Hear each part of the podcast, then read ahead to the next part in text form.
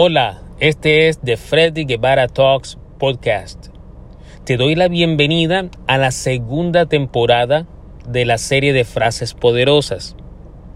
El año pasado fue los viernes con muchas personas escuchando las frases poderosas y yo creo que es importante a veces referirse a un pensamiento de algún autor o de cualquier persona.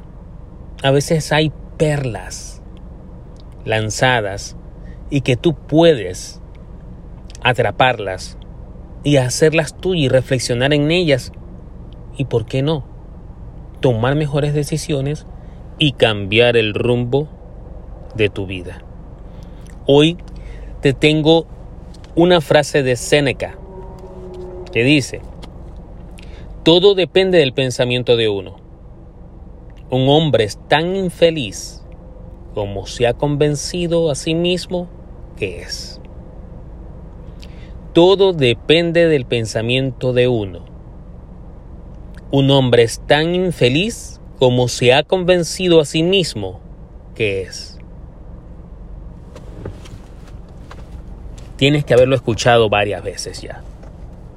Todo depende del pensamiento, todo depende de lo que tú pienses, de lo que tú creas, por eso a veces me parece interesante cómo las personas, como nosotros, buscamos hacer dietas, hacer ejercicios, buscar alternativas de suplementos para vernos mejor,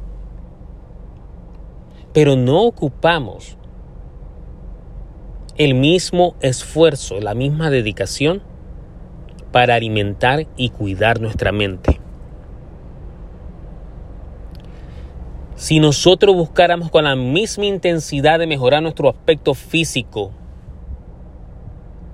mejorar nuestro aspecto mental, nosotros estuviéramos en otro nivel. Así que te invito a que reflexiones en este pensamiento de Séneca. Todo. Eres tan feliz o tan infeliz de acuerdo a lo que tú pienses o de acuerdo a lo que te hayas convencido a ti mismo de lo que eres. Por eso es muy importante. Alimenta tu cerebro, alimenta tu mente con buenas cosas, con cosas positivas, con cosas que te ayuden a mejorar la forma en la que piensas, la forma en la que ves la vida. Aliméntate con cosas que puedan mejorar o cambiar tu perspectiva de tu propia vida y del mundo. Ya sabes, todo depende del pensamiento de uno.